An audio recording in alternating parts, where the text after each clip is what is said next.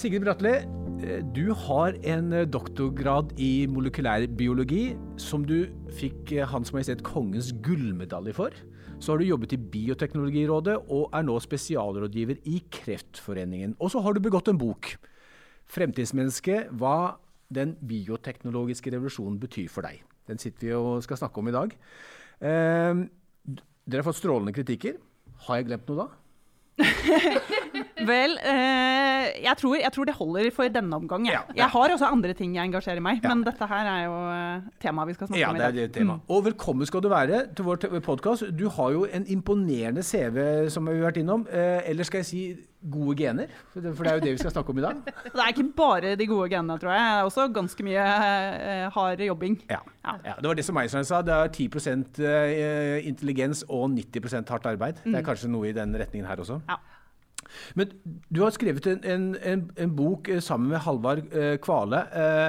Eh, og den handler jo om, om, genteknologi. Kan ikke du gi oss et, et krasjkurs i bioteknologi om DNA og gener og celler, og, og, som er jo prinsippet for alt liv som finnes på jorda?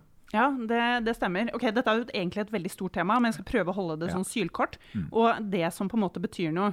Så eh, Biologi er veldig komplekst, men til syvende og sist så kan man koke det ned til at hovedkomponenten i hvordan liv utvikler seg på jorda, det kommer fra DNA. Det er, eh, det er livets kode. Livets kildekode, kan man nesten si. Mm. Eh, det, er, eh, det fungerer på en måte litt som dataprogrammering, bare at i våre celler så er det ikke nuller og enere, sånn som det er på datamaskiner.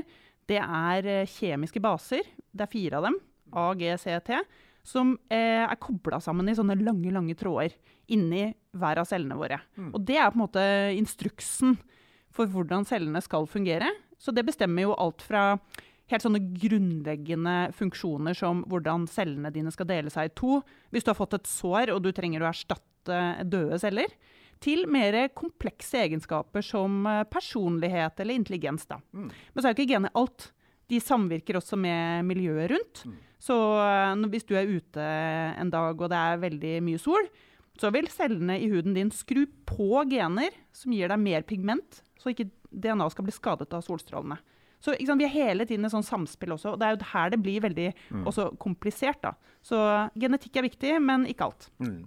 Så, så, må jeg også si at vi har med oss uh, Heltoks nye journalist Vibeke Riise Larsen. Hei, hei. hei, hei.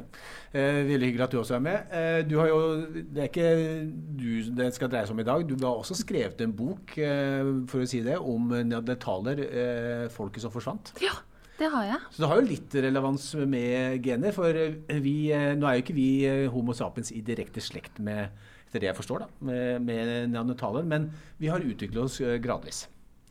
Så, så, så hvordan, hvordan, har mennesker som, hvordan har vi oppstått, Sigrid? Og Det er veldig veldig gradvis. Og ja. det som har vært tydelig da, etter hvert, altså liksom, Nå har vi fått sånne genteknologier som gjør at vi kan også mm. eh, lese DNA veldig veldig godt. Mm. Og det er veldig nyttig å, å studere vår forhistorie.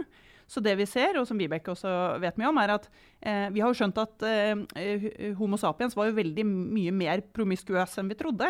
Det har jo vært bortpå ikke bare neandertalere, men også andre menneskearter da, mm. eh, som har blanda seg inn i genene våre. Så mange av oss som lever i dag, har spor etter det mm. i våre gener. Nettopp. Mm.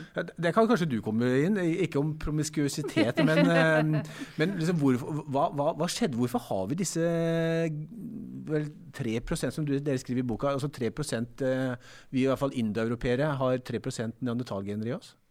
Det har vi fordi at vi har likt naboen, da. Ja. Det har ja. vært sånn at uh, vi har møtt på Homo sapiens har møtt på neandertalere, og istedenfor å slå dem i hodet med mm. en klubbe, som jo bare er tullball, for de hadde ikke klubber, så det, det, gjorde de ikke. Men de har nok likt hverandre, og så har de fått barn med hverandre, og så sitter det igjen i mm. arvestoffet vårt i, mm. i dag. Mm. mm. Og, og historien, Menneskets historie er jo, eller, eller verden, altså, livets historie handler jo egentlig om naturlig seleksjon. altså det, det Darwin eh, for, for, 150 år siden uh, slo fast. Naturlig mm. seleksjon, kjempe, utrolig spennende. Nå har vi jo kommet til en situasjon hvor vi ikke lenger trenger å vente på at uh, vi skal tilpasse oss optimalt til, uh, til, til, forholdene. Så nå kan vi endre gener. Ja, vi kan jukse. Ja. Vi kan egentlig bare overstyre evolusjonen hvis vi vil. Ja.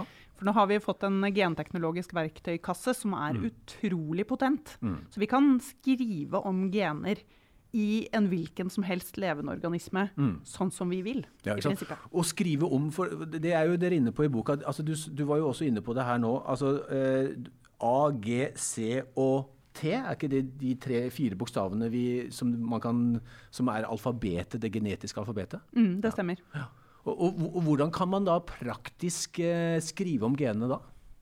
Eh, altså Du må vite litt hva du har lyst til å skrive om. da. Mm. Man kan ikke famle i blinde. Man må ha liksom en idé om hvilket gen er det snakk om, Mm. og hvilken ny eh, staving da, vil Mm. man ha i dette genet. Hva er det man ønsker å endre på? Mm. Men når man da har funnet ut det, så altså den enkleste måten å forklare det på, er jo den nyeste teknologien som heter CRISPR. Mm. Eh, det er kort for Vet du? Det, er, jo noen akronymer, det er ikke min sterke side. Clustered Regularly Interspaced Short Palindromic Repeats. Kjempekomplisert, men eh, egentlig veldig enkelt. Det er eh, et, eh, et eh, lite molekyl som fungerer som en slags gensaks, Mm. som du kan programmere. Du kan eh, gi den en slags adresselapp. Mm. Så leter den seg fram i DNA-et akkurat der du har bestemt at den skal klippe. Klipper DNA-et i to. Og da kan du f.eks. sette inn litt DNA hvis du vil ha litt ekstra genetisk kode. Mm. Du kan fjerne litt uh, av DNA-et, eller du kan bytte det ut. Mm. Så det er jo i prinsippet sånn det fungerer, da. Mm. Du, du skriver i boka di at, at uh, håpet da om å kurere alvorlige sykdommer det går hånd i hånd med, med, med det du sier er skrekkvisjoner om sorteringssamfunnet. Og da denne CRISPR-teknologien innpå, den, den kan jo da gå inn og lage eh, i prinsippet, kanskje ikke i dag, men i fremtiden i hvert fall, supermennesker. Teoretisk så eh, Altså, dette her er Her må jeg si tja. Ja. Em, du kan si at den, denne sorteringsdebatten den har pågått lenge. Og Mm. den handler jo egentlig om at gener er jo mye mer enn sykdom. Det handler jo om hvem vi er. ikke sant? Mm. Og det var jo litt det jeg var inne på i stad. At det, Mm. det kan jo påvirke ting som personlighet eller fysisk prestasjonsevne eller, Ja. eller hva du vil. da. Og det vet vi jo. Eh, når det er sagt, så er det noen tekniske begrensninger. Altså komplekse egenskaper som f.eks. intelligens Mm. styres ikke av ett gen. Nei. Det er eh, tusenvis av gener, Mm. i tillegg til disse miljøfaktorene som bestemmer det. Så selv om vi hadde villet, så tror jeg ikke helt på at vi kommer til å lage superintelligente mennesker. Men så er det andre ting som kanskje ligger mer i en sånn eh, Hva skal jeg si, som er litt enklere. Mm. Eh, eh, så var det en, en finsk skiløper eh, for noen tiår siden som eh, var veldig veldig god. Eh, han vant flere OL-medaljer. Mm. Og så så de på blodcellene hans etterpå, så så de at han hadde fra naturens side da, fått en, en mutasjon. Mm. Og ordet mutasjon kan alle nå, nå som vi har snakket så mye om Ja. koronamutanter. ikke sant? Ja. Ja. En endring i genene som gjorde at hans blodceller tar opp 50% mer oksygen enn andres blodceller, fordi han Mm. hadde en mutasjon i EPO-reseptoren. Han var Mm. EPO-dopet fra naturens side. Da. Og den kan lages Ja. med genteknologi. Det er ikke noe vanskelig. Du, du har en kvinne i Sør-Afrika som er superraskt, eh, som, har som, som antageligvis har en del mannlige gener som gjør henne ekstra rask, og, og som i lang tid ble utestengt fra, fra, fra idrett. Eh, Så, så det er eh, det, det- skjer mutasjoner, eh, og de fordelaktige de i naturtilstanden de bringes videre til, til neste generasjon og neste generasjon der igjen, og kan bli universelle. Ja, det, hvis, så lenge altså, sant, Du har lager en endring, og hvis det går videre i generasjoner Mm. Hvis du ikke har eh, en ulempe med denne her mutasjonen, så vil Mm. den nok eh, da fortsette å spre seg i, Mm. i, til etterkommerne. Nettopp. Mm. Gendoping, du var jo inne på det. Eh, altså vi har nylig, eller du Vibeke, har nylig skrevet en sak om, eh, om Alzheimer. Det er en kompleks sykdom som, man, eh, som har antakeligvis mange årsaker. Eh, og der har man forskere nå funnet eh, med gensekvensering, eh, hvor man har kartlagt hele arvematerialet til over 1000 pasienter med Alzheimer, så har de funnet 13 gener som, som koder, som de sier, for Alzheimer. Som er noe og det er jo flott, for da, da kan man jo eh, kanskje etter hvert bruke CRISPR-teknologi eller annen genteknologi til å adressere disse feilgenene og, og, og, og reparere de, kanskje. Men prinsippet kan jo også brukes eh, utenfor medisinen. Man kunne jo sett for seg at man kanskje hadde istedenfor 1000 Alzheimer-pasienter valgte man 1000, verdens 1000 beste sprintere. Og så fant man ut ja, hvilke gener er det som gir disse menn og kvinnene eh, noen fordeler. Og så setter man ut seg fore for å lage verdens beste sprinter. Er, er det muligheter, i hvert fall teoretisk, at teknologien kan eh, gi oss sånne muligheter? Teoretisk så er det jo det. Og man mm. har jo sett på genene til sprintere mm. og andre som har ekstreme fysiske egenskaper, mm. og lært ganske mye om hvilke gener det er som er involvert. Men det må jo sies at hvis du skal lage sånne supermennesker, så må du egentlig du må gjøre det fra, holdt på å si, før de blir født. Du må gjøre det sammen med assistert befruktning. fordi du vil jo gjerne at denne gen profilen mm. skal være liksom, i hele kroppen. Man, ofte så må man jo det. Og Det er jo her vi også møter på litt av utfordringene i forhold til sykdomsbehandling. Mm. Si Alzheimer, som du var innom. da. Ja, ja. Um, det er jo veldig mange av cellene dine som er rammet hvis du har en, en genfeil som gjør at du er disponert for en sykdom. Mm. Og det er ikke bare bare å behandle alle de. Og samme er det jo da med gendoping. Mm. Eh, noen ting med blodceller for eksempel, kan være enkelt. Mm. Andre ting veldig mye vanskeligere. Nettopp. Så, ikke sant. Mm. Og spørsmålet er er det mulig La oss si at uh, nå, nå finnes det jo laboratorier, tusenvis av laboratorier rundt i hele verden, kanskje også i Norge, det skal vi komme litt inn på, eh, som jobber jo med denne CRISPR-teknologien og genteknologien. Er det mulig å stoppe dette? Er det mulig å si at ja, så langt har vi lyst til at uh, vi skal kunne kalle det tukle med biologien, men ikke lenger? Hva, hva tror du? Jeg håper det. Eh, jeg håper at man klarer å ha en diskusjon, en fornuftig diskusjon om mm. ikke for og mot CRISPR, fordi mm. det er det mange ja. som prøver seg på. Mm. Men hva skal vi bruke det til, mm. og hvor langt skal vi gå? Og så bruker man virkemidler sånn som regelverk, da, mm. f.eks. til å si at her mm. går det en grense. Og så er vi jo en utfordring fordi at disse teknologiene nå er så billige og lett tilgjengelige at det, er, det kan være vanskelig å styre de som eh, hva skal jeg si, driver med, med, det til type bruk som, man ikke er så, som ikke samfunnet på en måte er for. Mm. Men eh, vi har jo et eksempel med en kinesisk forsker som brukte CRISPR på ja. eh, befrukta egg fra mennesker for å lage genredigerte barn. Mm. Eh, og han trodde jo at han skulle få heder og ære og nobelpris for dette. Ja. Det skjedde ikke. Nei. Kinesiske myndigheter, selv i Kina, hvor man på en måte er litt sånn, man er jo litt sånn skeptisk til de, måte, hvor mye kontroll de har, de eh, putta han rett i fengsel. Så, så, det er mulig å si at det går en grense et sted.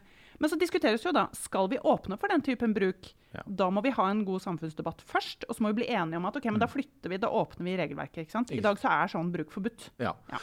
Han, hans uh, kinesiske forsker får jo lage barn som, uh, som var resistente mot hiv, ikke sant? Ja. ja. Og så, og så, tuk, og så så er jo ikke denne saksen alltid like presis, tydeligvis. Så, så, disse, uh, så, så det ble også bivirkninger av dette?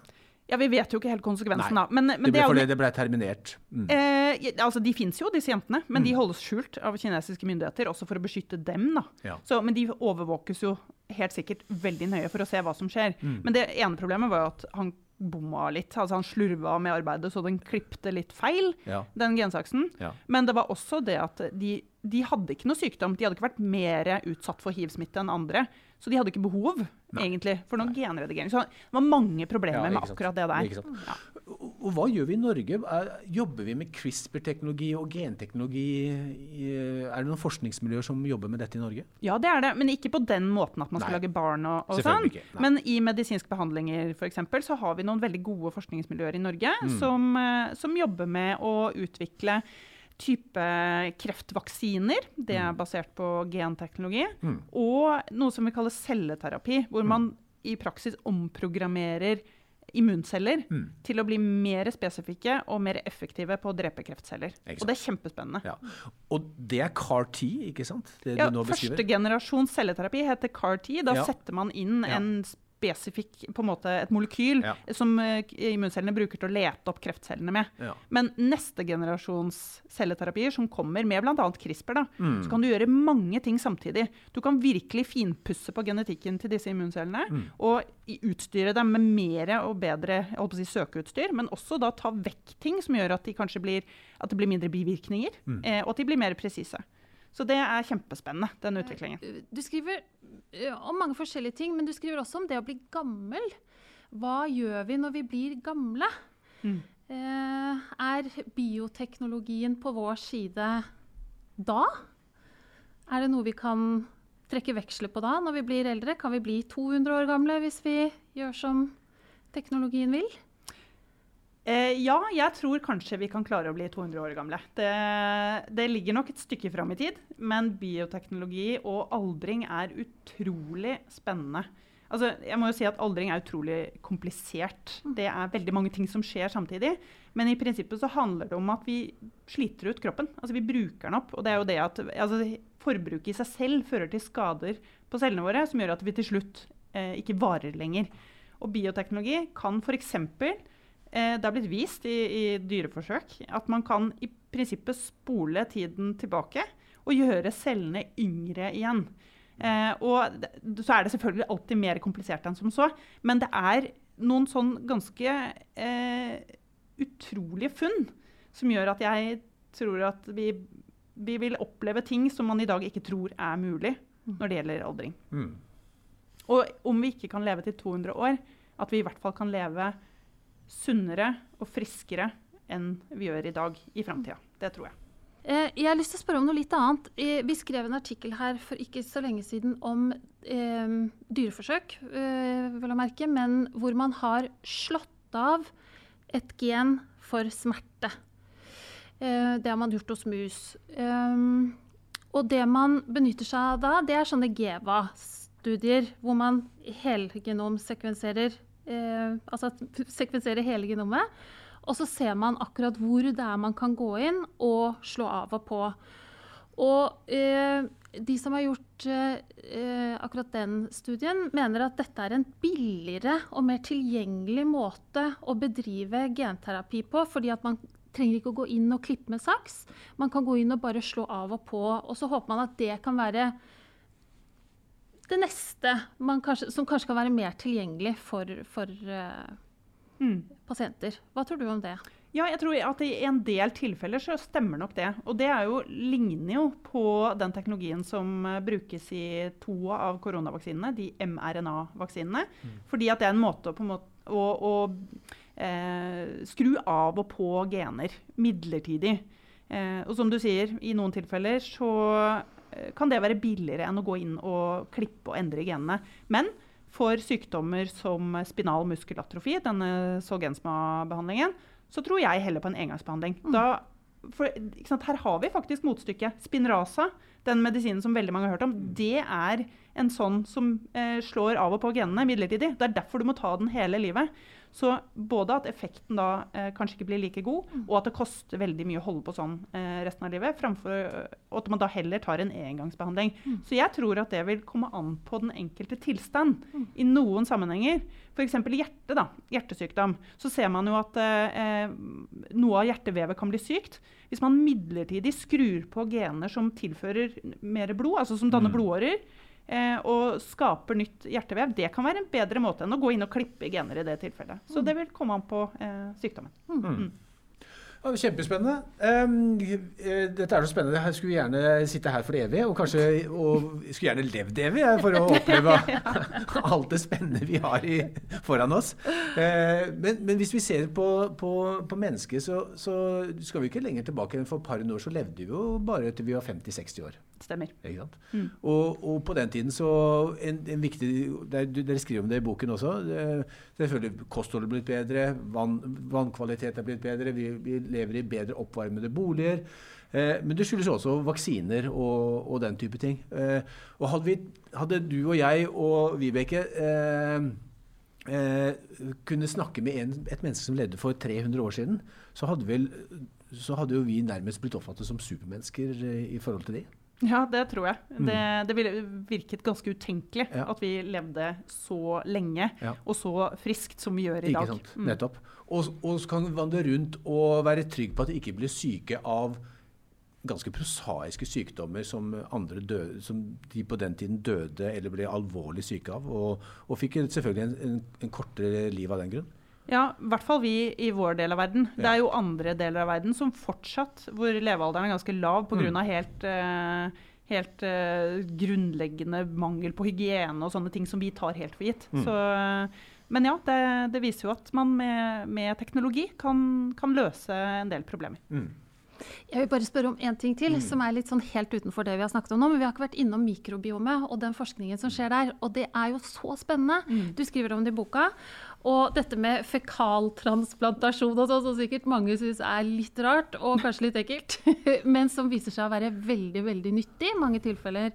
Kan du si litt om det? Hvor står forskningen der? Er det noe med, Jeg leste bl.a. at man det, tenker at man skal bruke det i kreftforskning. I føflekkreft har man vært og gjort forsøk. Det, hva skjer der?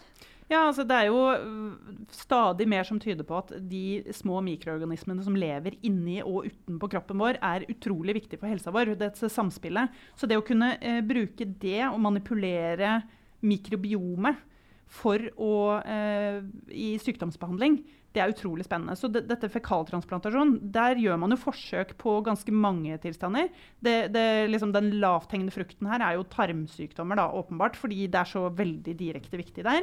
Så man ser jo kjemperesultater på sånn kronisk tarminfeksjon, at de blir veldig mye friskere. Og irritabel tarm og en del sånne ting. Men også f.eks. autisme. Mm. At barn som da får en frisk tarmflora eh, inn, altså får byttet den ut med en frisk tarmflora, Eh, at de da eh, får et mye bedre symptombilde.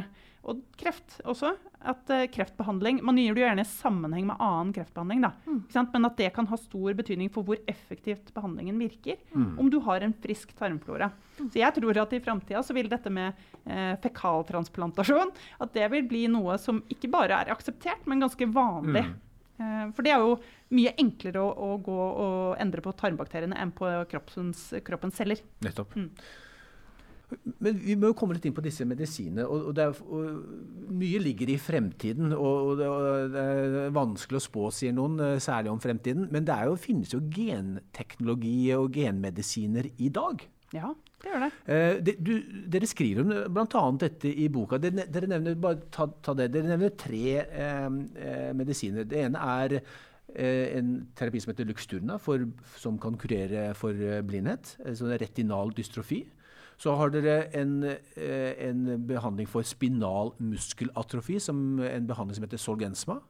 Og så er det en eh, celleterapi som heter Kymraya, som behandler barn med lymfoblastisk leukemi, altså en blodkreft. Mm. Hva, hva, er eh, situasjonen på, på, disse tre legemidlene internasjonalt og i Norge? Hvordan, hvordan er de tatt i bruk? Ja, altså du kan si at gen, Dette kalles genterapi. Mm. Da bruker man eh, genteknologi til å enten reparere gener eller kompensere for det på en eller annen måte. Mm. Eh, det har pågått i en del eh, tiår nå, eh, og det har vært eh, seigt. Ja. Det har vært en litt sånn trang fødsel for genterapi, bl.a. fordi at det var eh, problemer med bivirkninger i starten. Mm. Eh, men nå er de i ferd med å løsne. Så dette her er jo egentlig pilotgenterapier på sine felt. da. Mm. Og to av de er jo for sjeldne alvorlige eh, genetiske sykdommer.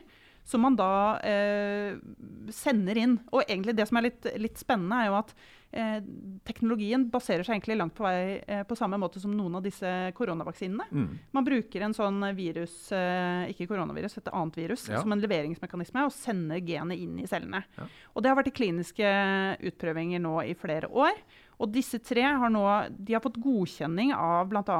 EMA og mm. FDA. Så som, mm. fra et sånt risikoperspektiv så er de nå godkjent. Og så mm. er det store spørsmålet skal vi ta det i bruk i helsetjenesten. Ja. Og det er en helt annen diskusjon. Eh, så i Norge så har vi tatt inn denne CAR-T-Kymria-behandlingen. Eh, altså denne celleterapien for kreft, for mm. barnekreft.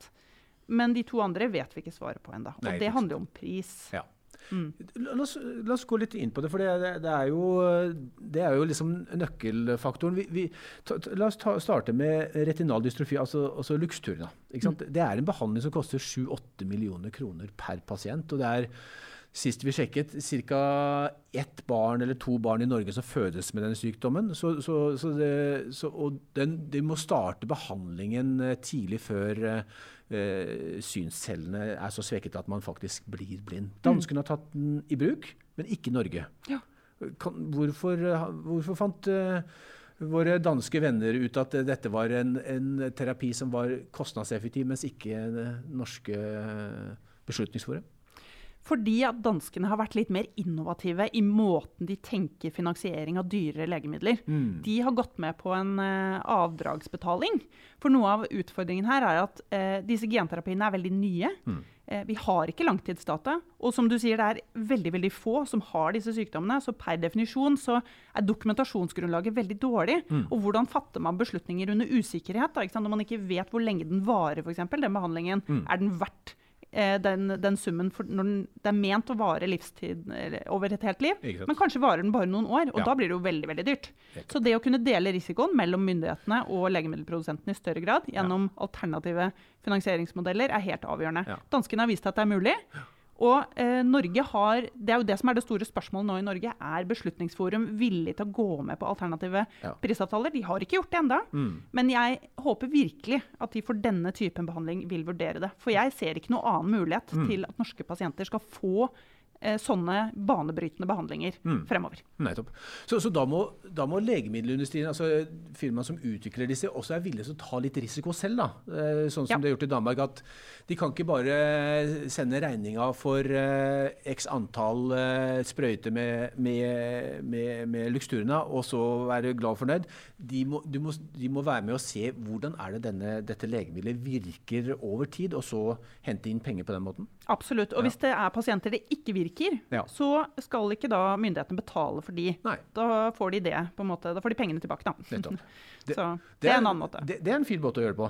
Ja. Eh, Og legemiddelindustrien er villig til å gå med på den typen avtaler, men så er det selvfølgelig rom der også for å måtte, strekke seg Mm. eh, og lande på et prisnivå som er fornuftig. Nettopp. Så, så begge parter er nødt til å liksom, møtes litt på midten her. Ja. Hvis ikke så kommer ikke dette til å komme pasientene til gode. Ikke sant. Men, men mange spør seg hvorfor skal et legemiddel som, eh, som Luxturna f.eks., eller Solgensma, som er for SMA, som, som er kjent som verdens dyreste legemiddel, 20 millioner kroner per behandling, altså som da forhåpentligvis er en engangsbehandling. Mm. Eh, hvorfor skal det være så dyrt?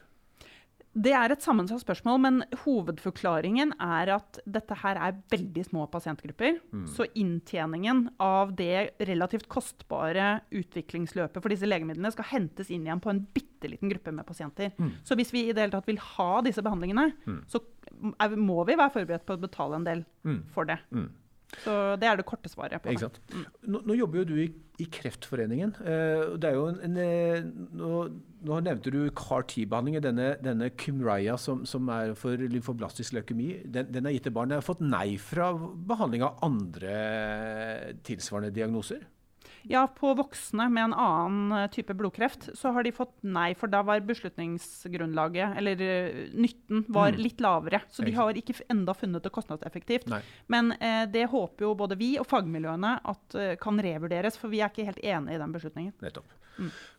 Men hvis vi ser litt sånn inn i fremtiden, Sigrid. Hvilket, hvilket andre legemidler, og sånn, ikke de nærmeste 20 årene, men der, der vi vet, det er forskning der vi vet at, at det begynner å nærme seg filing til FD og EMA. Hvor er det vi kan forvente oss eh, noen, noen mulige og potensielle gjennombrudd? Ja, det er jo mange områder, men, men særlig så er det jo det vi har vært innom allerede. altså Sjeldne genetiske sykdommer. Ja. De er jo hver for seg bitte små pasientgrupper, men til sammen så jo- snakker vi jo tusenvis Mm. sant, av pasienter som har eh, sjeldne genetiske sykdommer. Som, eh, fordi det ofte er én spesifikk genfeil, så er jo det forholdsvis hva skal jeg si, enkelt eh, mål for genterapi. Da. Og så er det kreft. Og det er forskjellige typer kreftbehandlinger. Eh, et en ting jeg er veldig optimistisk for. For disse CAR-T-behandlingene de må skreddersys for hver enkelt pasient, fordi de bruker ens egne immunceller til, eh, som blir omprogrammert. Men kanskje får vi også sånne off the shelf eh, Ja. hvor du har eh, brukt nettopp CRISPR eller annen type genteknologi til å fjerne ting i de immuncellene som gjør at de bare er personspesifikke. Mm. At du kan skru av alt som gjør at de gjenkjenner andre som fremmede. Ja. For det er risikoen med immunceller, er at de går til angrep hvis det er noe fremmed. Mm. Så du kan ikke i utgangspunktet bruke noen andres immunceller. Men det kan du kanskje, da. Og det har vært prøvd på noen pasienter, og det funker forbløffende bra, altså. Eh, Rett og slett hyllevare, hvor, hvor Ja. da legen kan uh, gå på bakrommet og så hente en uh, CAR-T-behandling uh, som, Ja. som ligger og venter? Ja. På, ja. Ja, det kommer til å komme også. Da er det jo sånn prismessig også eh, bedre. Mm, Så, nettopp. mm. Ja? For det, det er jo litt med kanskje pris at eh, det, det, det som kommer først, er, er det som er, eh, er dyrest. Og så vil eh, flere legemiddelfirmaer koble seg på, og dermed så blir det konkurranse. Ja, det er også en, en, en av grunnene, ja. Ikke. Så det blir nok billigere. Men det er en grense, som sagt. Altså, dette her er jo utrolig dyrt å utvikle også, disse behandlingene. Så de Mm. vil koste masse penger. Og vi må være forberedt på at vi kommer til å, å Jeg tror at eh, hele velferdsmodellen vår nesten kommer til å stå i spill mm, på bakgrunn av genterapi. Det kommer til å komme så mange av dem. Ja. Nå, bare de neste årene, kommer det til å komme titalls med genterapier som kommer til å ha millionprislapp, eller multimillionprislapp. Mm. Eh, hvis ikke vi klarer å finne innovative måter å finansiere de på, Mm. så, så blir det et helt todelt eh, helsevesen, hvor de som har råd til de kan kjøpe seg det genetiske loddet som de andre ikke har råd til. Det er, er interessant. Altså I boken så, så bruker dere ordet genetisk ulikhet. Eh, vi er jo genetisk ulike fra fødsel, så, så det er jo det, si, det store lotteriet er jo ganske urettferdig på mange måter. Men, men, men som du sier, nå, nå kan mm, de som har, hvis ikke da myndighetene går med på å finansiere en del av dette, så kan man rett og slett eh, selv betale, de rike da, betale for behandling. Mm, det kan de. Det, og da blir det jo, som du sier, urettferdighet på genetisk nivå som man kan kjøpe seg. Så, så hvor kan eh, altså USA, som du nevnte i starten, altså de ligger jo langt foran oss. Så, så eh, har du nok penger, så kan du reise til USA og få behandling der? Eh, ja, det kan man, og mange andre steder i verden også. Det er jo mye helseturisme. Mm. Men her må jeg også legge til at noe av det er veldig, veldig bra. Mm. Eh, medisiner og, og forskning som man kan være med på. Mm. Andre ting er utrolig spekulativt og direkte farlig. Og det er vanskelig for folk flest å skille mellom dette her. Nettopp. Se på eh, noe som heter stamcellebehandling, f.eks., som også Mm. er en type bioteknologi. Så er det altså hundrevis av private klinikker i USA Mm. som selger dette. Hvor eh, I en del tilfeller så har man sett at folk som da har fått stamcellebehandling i øyet, som skulle bli, få bedre syn, ble blinde Mm. av behandlingen. Så? Det, det, er en del, det er mye risiko knytta til Ja, dette, og mye økonomi, altså, ja, business i dette. Så man skal være litt forsiktig òg. Hvis vi ser litt inn i krystallkulen da, Sigrid. Eh, det er jo i et sånt felt som går så ekstremt raskt. eh, Men, men jeg spør allikevel, hvor vil vi være om eh, 20 år? Om 20 år så vil vi kunne bruke biologien og genetikken til å programmere mye mer avansert. Eh, og det vil si f.eks. i medisinsk behandling Mm. så vil vi eh, kunne f.eks., tror jeg, lage eh, Vi vil bruke celleterapi veldig mye mer. De vil være gjennomprogrammert, designet spesifikt for sitt formål. De vil være nesten litt sånn bi bioteknologiens svar på kunstig intelligens. Mm. At du får celler som eh, bare skrur seg på og er en medisinsk behandling når det trengs. Så har du, eh, har du bare når de f.eks. møter kreftceller, Mm. og ellers er avslått. Og at de Mm. kan lære, disse cellene kan tilegne seg ytterligere funksjoner, avhengig av hva kroppen din på en måte trenger. Så jeg har veldig stor tro på bioteknologi eh, fremover. Mm. Hva, hva med det som kalles symbiotisk eh, interaksjon med teknologi? Altså at, at, eh, at vi implanterer eh, teknologi, eh, IT, inn i kroppene våre? Er, er, er det noe i, i det samme bildet? Ja, jeg tror at bioteknologi og mer si, digitale teknologier og Mm. robotikk og sånn vil smelte litt sammen etter hvert. Og at Mm. det vil eh, skape noen synergier som er veldig spennende. Mm. Eh, noe jeg tenker kommer til å bli eh, fremtida, er jo små nanobots som kan overvåke kroppen vår. Mm. Som, kan, på en måte, som vi har i oss, som da kan oppdage om det f.eks. kommer et uh, koronavirus. da, Eller et eller annet. ikke sant? Mm. Uh, I mye større grad. Mm. Og ikke minst på genforskning, altså det med kunstig intelligens. Det å, I dag så er det forholdsvis basic. Man tar en sånn gentest, jeg vet ikke hvor mange som har gjort det, ja, lytterne våre, men tar en sånn Ja. pinne i kinnet og sender av gårde, og så Ja. får du vite noe om genene dine. Det i framtida vil bli utrolig mye mer avansert, fordi vi har jo eh, det er tre milliarder AGCT Mm. i et menneske-DNA. Og det å skjønne hvordan det faktisk virker, og hvordan genene virker sammen Mm. vi, vi har ikke i dag vi er, vi er bare i startgropa, vi har ikke peiling. Mm. Så det å bruke kunstig intelligens til å skjønne den kompleksiteten i genetikken vår, Mm. det kommer til å få kjempebetydning. Mm. Så vi er, vi er, jo vant til eh, eksponentiell vekst eh, med IT-revolusjonen, altså Moores lov, eh, hvor, hvor, computerkraften fordobles med noen få måneders mellomrom. Er vi i ferd med å komme inn i den fasen IT, som IT-teknologien var si, på starten på 80-tallet, også innenfor bioteknologi? Er vi snart der? Ja, vi er det. Eh, og du kan si eksempelet her er jo nettopp gensekvensering, eller le mm. å lese DNA. Mm. Som eh, første gangen man sekvenserte hele menneske-DNA-et. Mm.